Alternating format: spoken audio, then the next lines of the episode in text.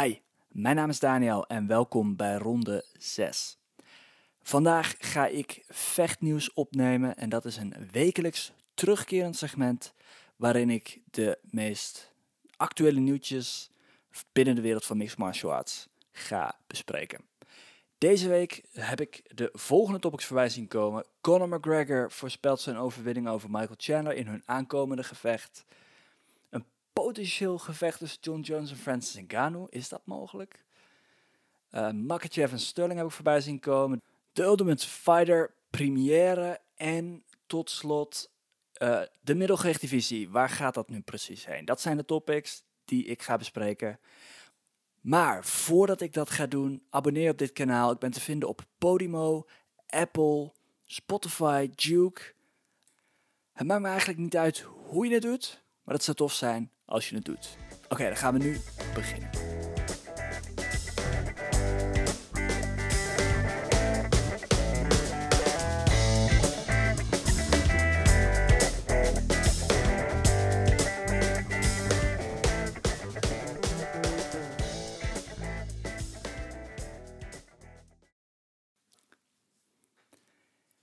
Oké, dan beginnen we deze week met het eerste nieuwtje. Conor McGregor voorspelt zijn overwinning over Michael Chandler.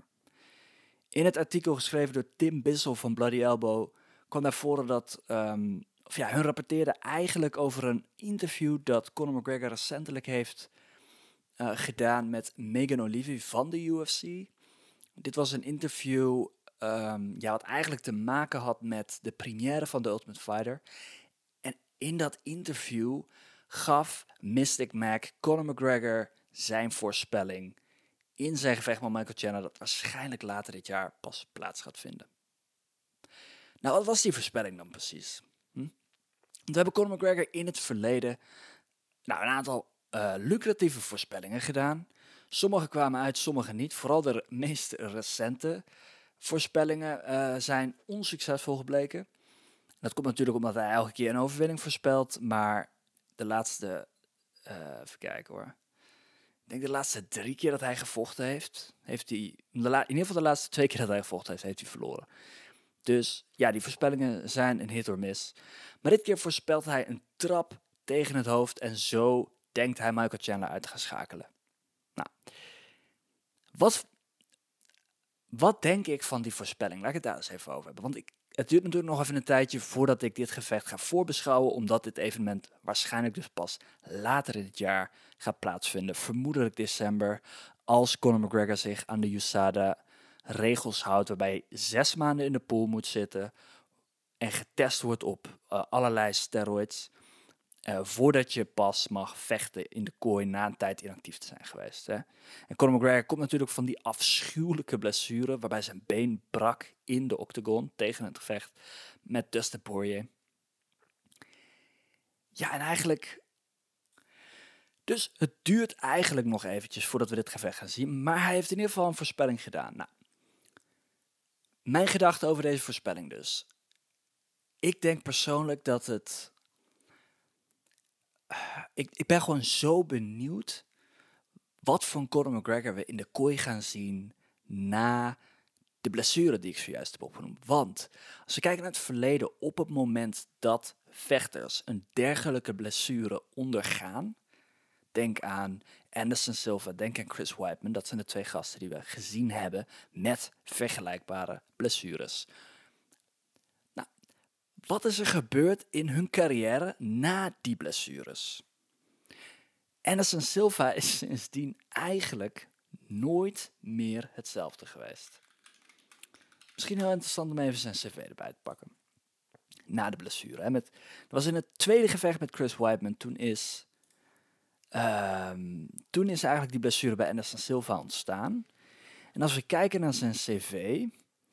Eens even kijken. Chris Whiteman dat was UFC 186 of 168 in 2013. Sindsdien heeft hij vijf keer verloren. één keer is een overwinning, is, uh, is, is, is een, een, een um, is, is ja, eigenlijk ongedaan gemaakt, omdat Anderson Silva toen um, ja, positief testte voor een, uh, een, een anabol of een steroid, steroid. Ik weet de exacte terminologie niet. Maar om maar zo even te zeggen, sinds die blessure heeft Anderson Silva vijf keer verloren, maar één keer gewonnen. Dus zijn carrière na die blessure zag er gewoon heel anders uit dan voor die blessure. Nou, kan dat te maken hebben met het feit dat Anderson Silva toen ook een dagje ouder werd? Ja, absoluut. Maar Chris Whiteman, die we daarna ook die blessure hebben zien ondergaan, die is sindsdien nog niet teruggekeerd in de octagon. En Chris Whiteman, ik heb dat gevecht gezien. Volgens mij was dat zelfs op een Conor McGregor uh, evenement. Dus even kijken hoe lang dat geleden is. Dat is 2021, dus dat is inmiddels ook al meer dan twee jaar geleden. En we hebben hem nog steeds niet teruggezien.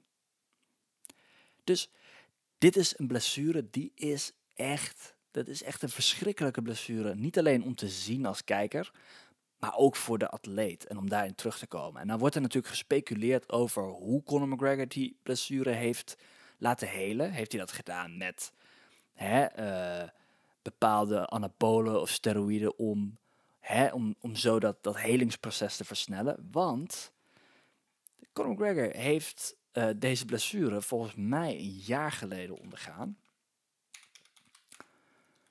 En, nou, sinds, en, en, en hij komt nu dus eigenlijk alweer terug. Terwijl je Chris Whiteman bijvoorbeeld heel erg ziet struggelen. Hij ziet worstelen met, met een dergelijke blessure. Dus dat vind ik heel interessant. En daarom ben ik dus ook zo benieuwd wat voor Conor McGregor hier komt opdagen. Stapt hij te snel weer in de octagon? Of is zijn been volledig geheeld en gaat dat geen issue zijn? Ik, ik kan me alleen indenken wanneer zo'n blessure heeft plaatsgevonden. Ja, dan zou Conor McGregor dan niet wat twijfelachtig zijn om zijn benen in te zetten tijdens dat gevecht. Want ik bedoel, hoe dit soort uh, breuken vaak gebeuren is wanneer bijvoorbeeld een vechter tegen de schenen trapt van een andere vechter. Wanneer de vechter tegen een elleboog trapt van een vechter. Dat zijn mogelijke risico's die vechters lopen tijdens een gevecht in de octagon. Dus Conor McGregor die dan zegt, weet je, ik, ik schakel uh, Michael Chandler uit met een trap tegen het hoofd. Ik vind het heel ambitieus. Maar ik ben heel benieuwd of hij die benen eigenlijk wel zo krachtig gaat inzetten tijdens het vecht. En ik denk dat hij met een uitspraak als dit hoopt het publiek te overtuigen dat hij dat werkelijk gaat doen. Of misschien hoopt hij wel Michael Chandler te overtuigen dat hij dat gaat doen. Want iemand als Michael Chandler, als hij die en, en Michael Chandler is een atleet die heeft de mentaliteit van ik wil winnen. Maakt me niet uit hoe ik schakel je uit. Dit is een gevecht. Er zijn regels en binnen die regels ga ik me bewegen.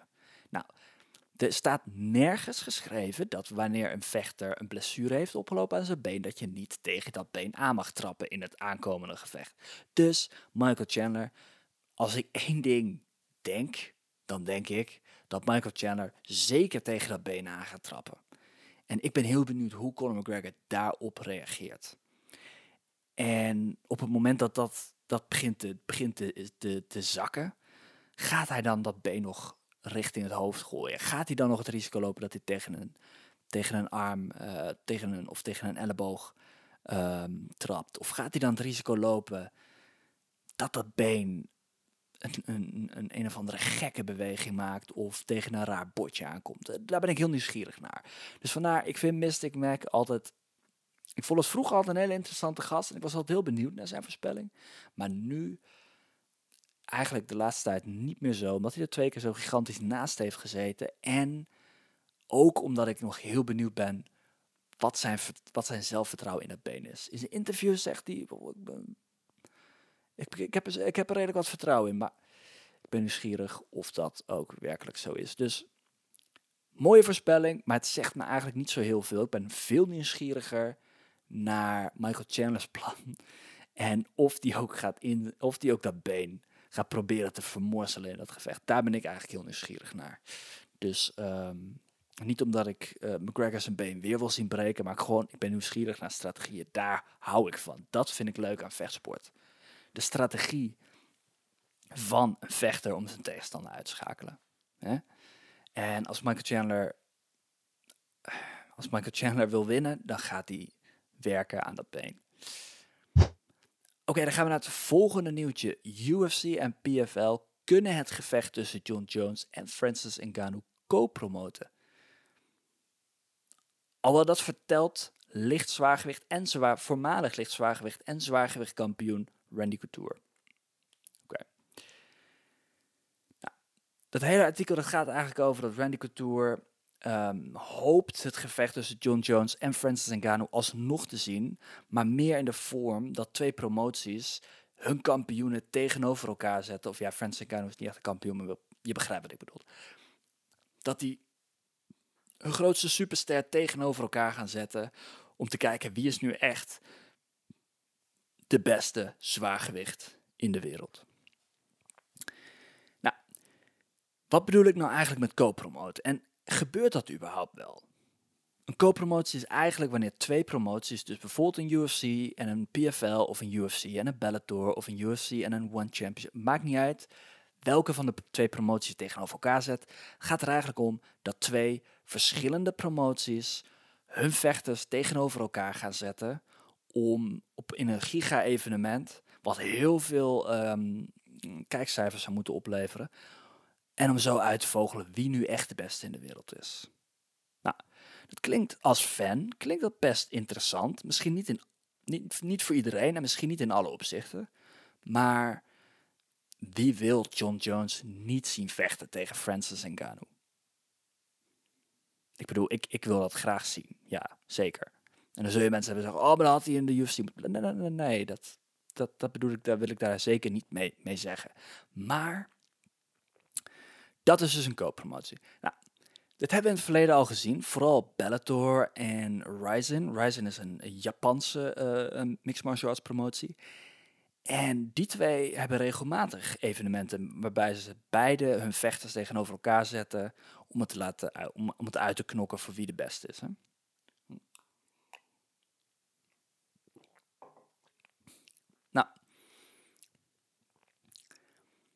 Waarom Oké, het is een leuk plan. Laten we dat gewoon eventjes voorop stellen.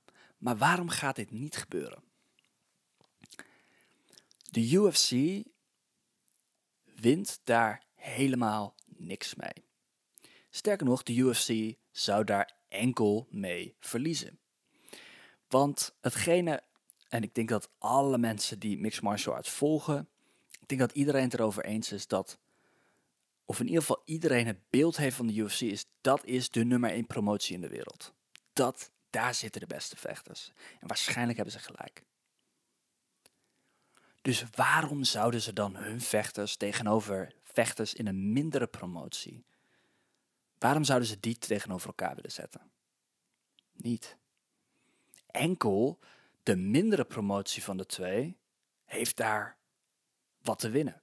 De UFC heeft daar enkel wat te verliezen, omdat als bijvoorbeeld John Jones verliest van Francis Ngannou, dan betekent dat dat, niet, dat de beste zwaargewichten niet langer in de UFC zitten. En dat als mensen de beste zwaargewichten tegen, ook, tegenover elkaar willen zien, dat ze eigenlijk naar een andere promotie moeten kijken. In dit geval PFL. Dus de UFC gaat dat never, ever, ever doen. Totdat er een grote speler in de wereld komt waarbij mensen zeggen, oh hey, ja, en die nog veel meer kijkcijfers had dan de UFC. Dan zou de UFC gaan zeggen van, nou misschien om wat shine van hun te stelen, gaan we het hier gewoon een keertje op inzetten. Maar totdat dat gebeurt, en als we kijken naar marktaandeel, lijkt dat niet in de nabije toekomst te gebeuren, dan zal zo'n co-promotie uh, gevecht tussen John Jones en Francis Ngannou never plaatsvinden. Dus ik vind het interessant en ik, ja, ik, ik hoop uiteraard dat dat ooit gebeurt. Maar gaat dat gebeuren? Ik denk het niet. Oké, dan ga ik naar het volgende bericht. Ook weer Bloody Elbow, Milan Ordonez heeft geschreven... Makachev is langer inactief dan Sterling en enkel Sterling krijgt de interim titeldreigementen naar zich toe geslingerd. Het is interessant, want ik heb vorige week in het vechtnieuws natuurlijk genoemd dat Aljamain Sterling en Dana White heen en weer gingen op verschillende, via verschillende mediakanalen over dat, uh, ja, over eigenlijk dat aankomende gevecht tussen Aljamain Sterling en Sean O'Malley. Wat we gaan zien in augustus volgens mij. Volgens mij is UFC 292, maar pint me er niet aan vast. Aljamain Sterling heeft dus daar aangegeven dat, um, of nou ja, eigenlijk Dana White heeft aangegeven in een persconferentie, dat als Aljamain Sterling niet zou vechten, dat, er, dat hij dan ook prima een interim kampioenschap zou kunnen maken omdat de kampioen dan inactief zou zijn. Nou, ik heb zelf niet zo heel veel problemen met interim kampioenschappen, los van het feit dat het voor mij niet zo heel veel betekent, behalve dan wie is de eerstvolgende titeluitdager, dat dat echt absoluut hè, uh, gegraveerd is in steen. Maar dat is eigenlijk ook lang niet altijd zo, want we hebben bijvoorbeeld interim kampioenen zoals Kobe Covington. We hebben interim kampioenen zoals Tony Ferguson. Bijvoorbeeld in het verleden niet zien vechten voor een titel nadat zij dat kampioenschap hadden gewonnen. Dus ja, dus het betekent niet zo heel veel, maar het is natuurlijk een groot evenement. En op het moment dat iemand een interim titel kan winnen, er zijn heel veel interim titelgevechten die echt fantastisch waren. Denk aan Dustin Poirier versus Max Holloway. Denk aan Israel Adesanya versus uh, Kelvin Gastelum mogelijk mijn favoriete gevecht aller tijden. Dus ik denk dat er zeker wat te zeggen is over een interim kampioenschap. Denk ik dat het in het geval van Aljamain Sterling logisch is om een interim kampioenschap te maken? Nee, absoluut niet. Drie maanden, ik het is drie maanden, dat is nog een paar weken geleden dat die gast gevochten heeft. Zijn titel verdedigd heeft tegen Henry Cejudo. Waarom zou je nu al een interim kampioenschap moeten maken? Interim, dat wordt letterlijk ingezet op het moment dat een kampioen lang inactief is. Dan wordt er een interim kampioenschap gemaakt. Om toch een kampioen te hebben in de divisie die die titel vertegenwoordigt. Die wel actief is. En als we dan kijken naar iemand als Islam Makachev, die inmiddels al langer inactief is dan Aljamain Sterling. Ik bedoel, Aljamain Sterling heeft recentelijk nog gevochten. Die gaat eerder vechten dan Islam Makachev. Waarom is er dan geen interim titelgevecht in de lichtgewicht divisie gemaakt? Dat is, een goed, dat is een vraag die in dit artikel basically gesteld wordt. Het antwoord is vrij simpel. Islam Makachev is een belangrijke, onvervangbare kampioen binnen de UFC. Wat wil ik daarmee zeggen? Aljamain Sterling wordt over het algemeen niet heel erg geliefd door de fans. Op het moment dat Aljamain Sterling weg zou wandelen vanuit de UFC en de UFC, zou zeggen, nou weet je wat, de volgende, de volgende twee uitdagers zijn Sean O'Malley en Henry Cejudo. Dan heb je mogelijk een groter gevecht in die divisie dan wanneer je Aljamain Sterling zijn titel laat verdedigen. Ik bedoel, ehm, het is discutabel, maar Harry Cejudo is mogelijk een grotere naam dan Aljamain Sterling. En Sean O'Malley is een grotere naam dan Aljamain Sterling. Dus de UFC heeft daar in principe niet zo heel veel te verliezen. Behalve dan dat ze een groter gevecht uh, hebben. Islam Makachev is een gigantisch belangrijke vechter voor de UFC. Komt uit Dagestan, representeert de moslims Ehm, dus in het Midden-Oosten trekt hij heel veel ogen naar zijn gevechten. Ook de gevechten die in het verleden zijn gedaan door Khabib in Abu Dhabi waren gigantisch. Gigantisch belangrijk gevechten voor de UFC. Tijdens de pandemie heeft de UFC een, een deal gesloten met uh, gasten uit uh, uh, de Emiraten. Ik, ik weet even niet hoe dat gebied precies, precies heet. Maar heeft de UFC daar een deal gesloten, hebben ze Fight Island kunnen openen, hebben ze daar hun gevechten kunnen houden. Dus dat gebied, het Midden-Oosten, is voor de UFC een superbelangrijke locatie. En Makachev is het kroonjuweel van het publiek dat zich daar bevindt. Nog even wat uh, koffie inschenken hoor.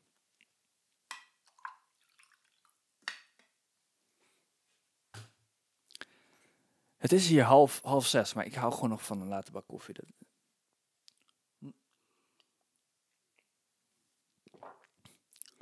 Dus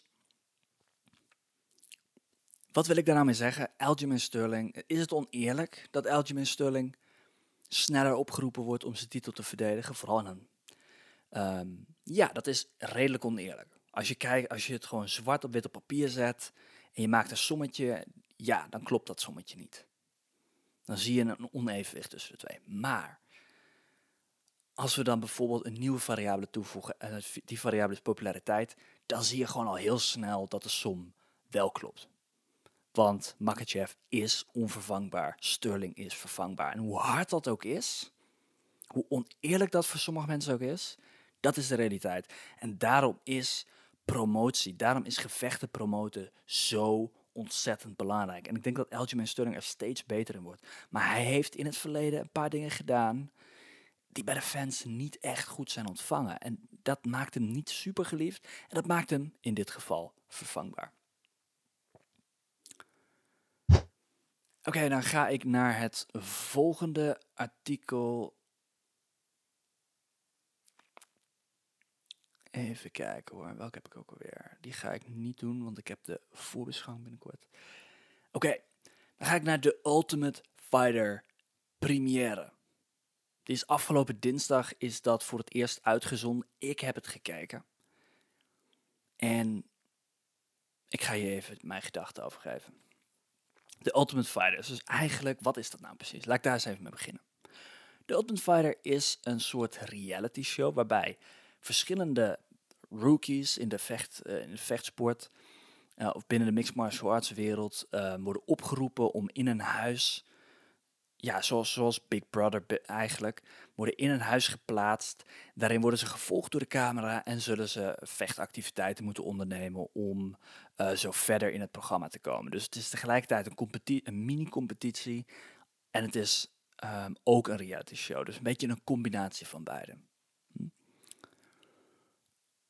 Um, in dit geval trouwens, in dit seizoen zijn het rookies, maar het zijn ook veteranen die al Um, die uh, ontslagen zijn uit de UFC basically en nu weer terug een tweede kans krijgen. Dus het zijn de, de helft zijn beginners, de andere helft zijn een soort van veteranen, zoals ze dat noemen. Ja, en die gaan het dan opnemen tegen elkaar. En je gaat zo zien wie, ja, wie, wie, wie wint hier en wie beklimt uh, die, die, die ranglijst. En wie wordt uiteindelijk de Ultimate Fighter. Want als je die competitie dus wint, dan ben je de Ultimate Fighter. En ja, in het verleden hebben we gezien dat Ultimate Fighters uh, winnen, winnaren, zoals Tony Ferguson. Um, ik probeer nog wat andere te bedenken, maar ik moet heel eerlijk zeggen dat ik op dit moment enkel Tony Ferguson even te binnen schiet. Maar in het verleden is gebleken dat dat vaak ook grote namen in de vechtsport worden. In het verleden, let wel. Dit jaar zijn, want bij de Ultimate Fighter heb je ook altijd twee coaches. Hè? Die, dus twee teams. Je hebt in dit geval dus de veteranen en de, en, de beginners. Die worden gecoacht. Elke, elke groep wordt gecoacht. En de uh, beginners worden gecoacht door Conor McGregor. En de veteranen worden gecoacht, gecoacht door Michael Chandler. Wat vond ik nou van die eerste aflevering? Ik ga dit per week ga ik, dit, ga ik hier proberen mijn reactie over te geven. Waarom? Omdat ik denk dat Conor McGregor nog steeds de grootste... Of nee, dat denk ik niet, dat is zo. Conor McGregor is de grootste naam in vechtsport. Punt. Dus als hij wat doet, dan ga ik daarover rapporteren. Dat is nou eenmaal zo. Hij hoeft maar een scheet te laten of ik ben degene die daar op vrijdag even zijn reactie over moet geven. Van nou, hoe rookt dat nou precies en uh, wat, wat, wat, was, uh, wat was het gevolg daarvan? boem, ik ben degene die dat eventjes moet bespreken. Dat is nou helemaal zo. Hm? Dus de Ultimate Fighter, première, aflevering 1. Wat zagen we daar nu precies in gebeuren? Nou, je zag ze allebei. Je zag Conor McGregor als, zowel Conor McGregor als Michael Chandler even tegenover elkaar staan. Ze waren even aan het babbelen. De vechters werden geïntroduceerd. Een paar bekende namen overigens die daarin terugkwamen. Uh, wat veteranen. Je hebt bijvoorbeeld Jason Knight. Die heeft ook in Knuckle FC een paar keer gevochten in best wel grote gevechten tegen Adam Lobov, uh, de GOAT. En dus dat was een hele... Dus, dus er zitten wat interessante namen bij. Maar in de eerste aflevering zagen we eigenlijk het eerste gevecht tussen een beginner en een veteraan. En dat was gelijk een gevecht waarbij het gevecht werd beëindigd in 8 seconden of 10 seconden, weet ik veel wat. Fucking snel in ieder geval. Het was een knockout. Conor McGregor's eerste, ja, eerste student werd uitgeschakeld door Michael Chandler's eerste student. Wat opvallend was, en dit is ook even gerapporteerd, is dat bij, de, bij het inwegen dat Conor McGregor daar afwezig was. En heel veel mensen hadden daar wat over te zeggen online.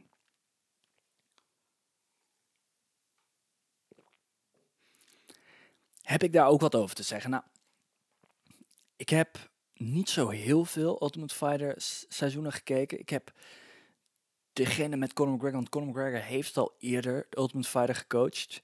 En destijds was hij ook niet zo'n hele geweldige aanwezige coach.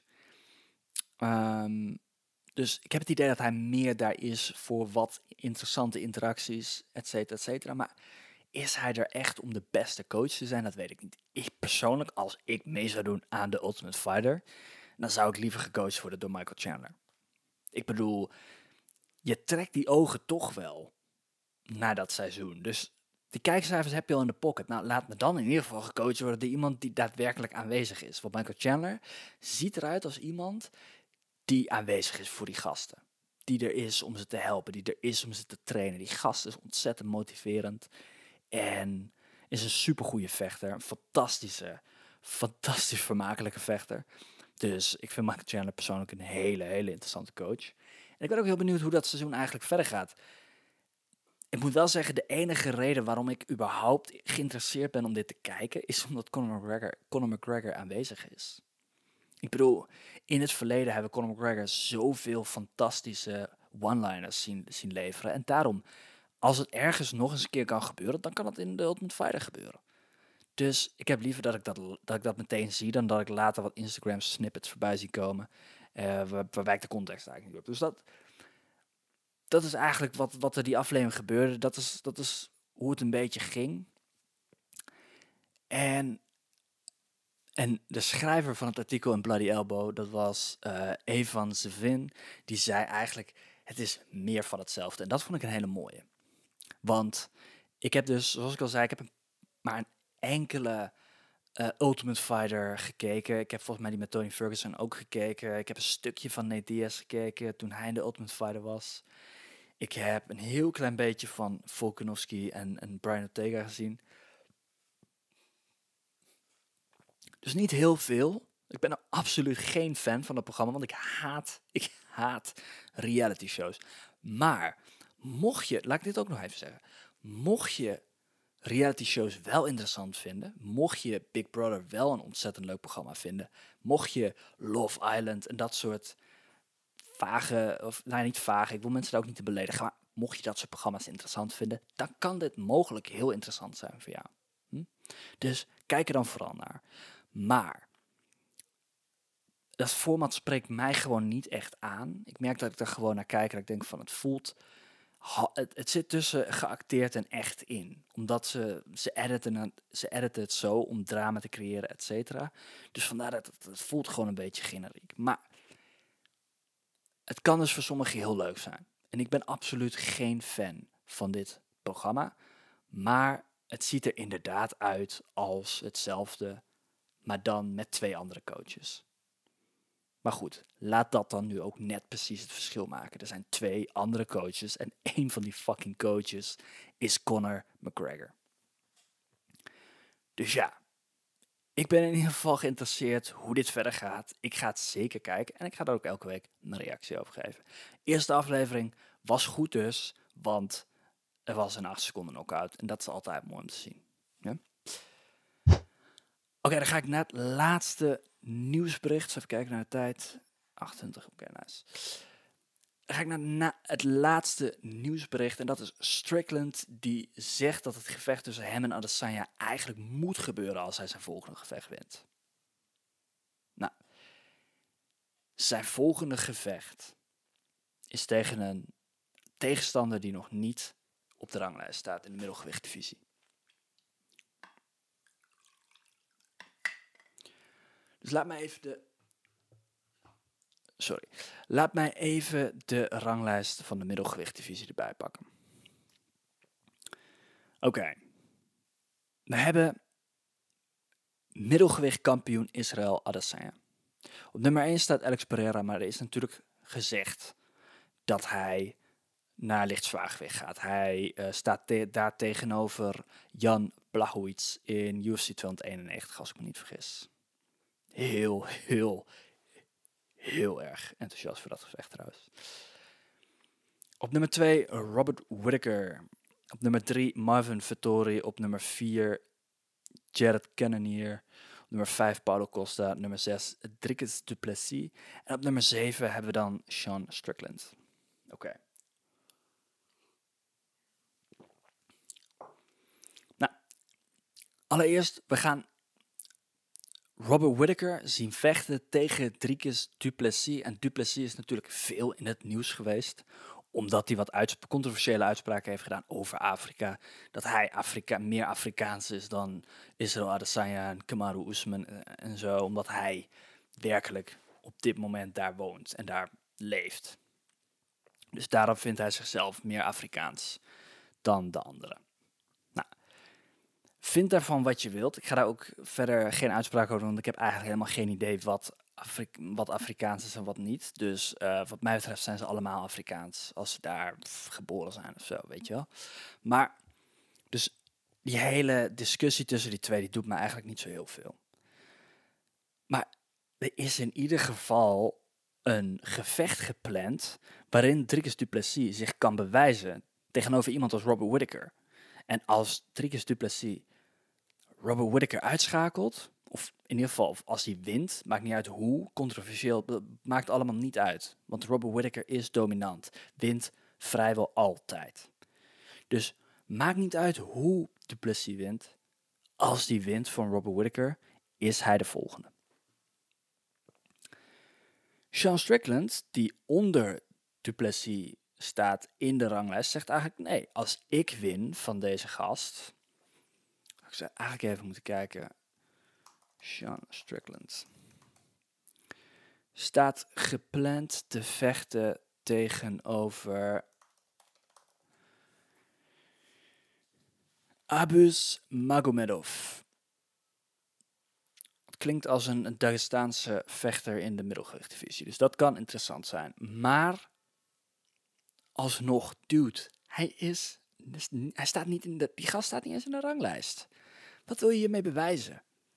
Ik bedoel, ik, het kan zijn dat, dat hij geen ander gevecht in de top 5 uh, toegewezen heeft gekregen. En dat is spijtig. Uh, maar je bent recentelijk nog knock-out geslagen door Alex Pereira. En Adesanya heeft recentelijk Alex Pereira zelf uitgeschakeld middels een knockout.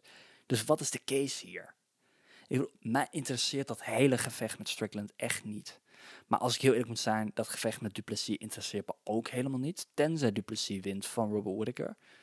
Wat ik absoluut betwijfel.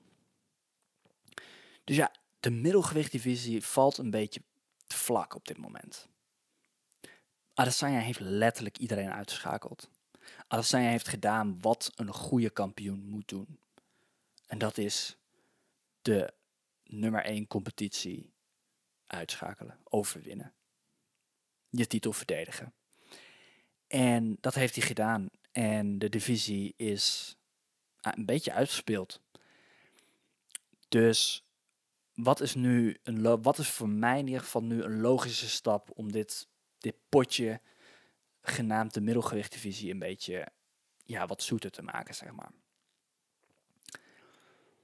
Ik denk persoonlijk dat Adesanya naar boven moet gaan, naar licht zwaargewicht. En ik denk dat er heel veel mensen zeggen, nou, maar hij is te klein, hij is te mager, hij is te tenger en hij heeft het al geprobeerd en het is niet gelukt. Ja, klopt, maar ik heb al eerder gezegd, dat gevecht was heel competitief met Jan Blachowicz. Als mensen zeggen van niet, kijk het gevecht nog eens. Op de voeten was het heel competitief. Ja, Blachowicz was inderdaad wat groter. Maar goed, Adesanya woog ook in op, wat was het, 198 pond. Terwijl Blachowicz een grote 205 pond er is. Dus als Adesanya wat tijd zou nemen om gewicht aan te komen, en dat is John Jones heeft gedaan voor de zwaargewichttitel, dan zou, die misschien, dat zou dat een heel ander gevecht zijn misschien wel. tenminste, ik ben heel nieuwsgierig naar. daarbij, op het moment dat een vechter in een bepaalde divisie tegen een kampioen, laten we dat ook nog even, want Blauwits was op dat moment de kampioen. Op het moment dat iemand verliest van de kampioen in een iets wat competitief gevecht, dan wordt diegene toch niet meteen afgeschreven. Dus normaal wordt dat niet gedaan. Nu wordt dat dus door sommigen wel gedaan. Ik zeg niet dat de mensen die naar luisteren dat ook doen. Maar het blijft bij mij gewoon een beetje dat ik denk van... Ik heb niet gezien dat Israël Adesanya niet thuis hoort in de lichtzwaargewichtdivisie. En het gaat ook heel interessant worden om te zien wat Alex Pereira gaat doen in de lichtzwaargewichtdivisie. Als hij wint van Jan Blauwits, dan denk ik dat heel veel mensen die zeiden, oh, Adesanya is te klein, dat die ineens gaan zeggen, oh wacht eens, misschien is Adesanya niet te klein.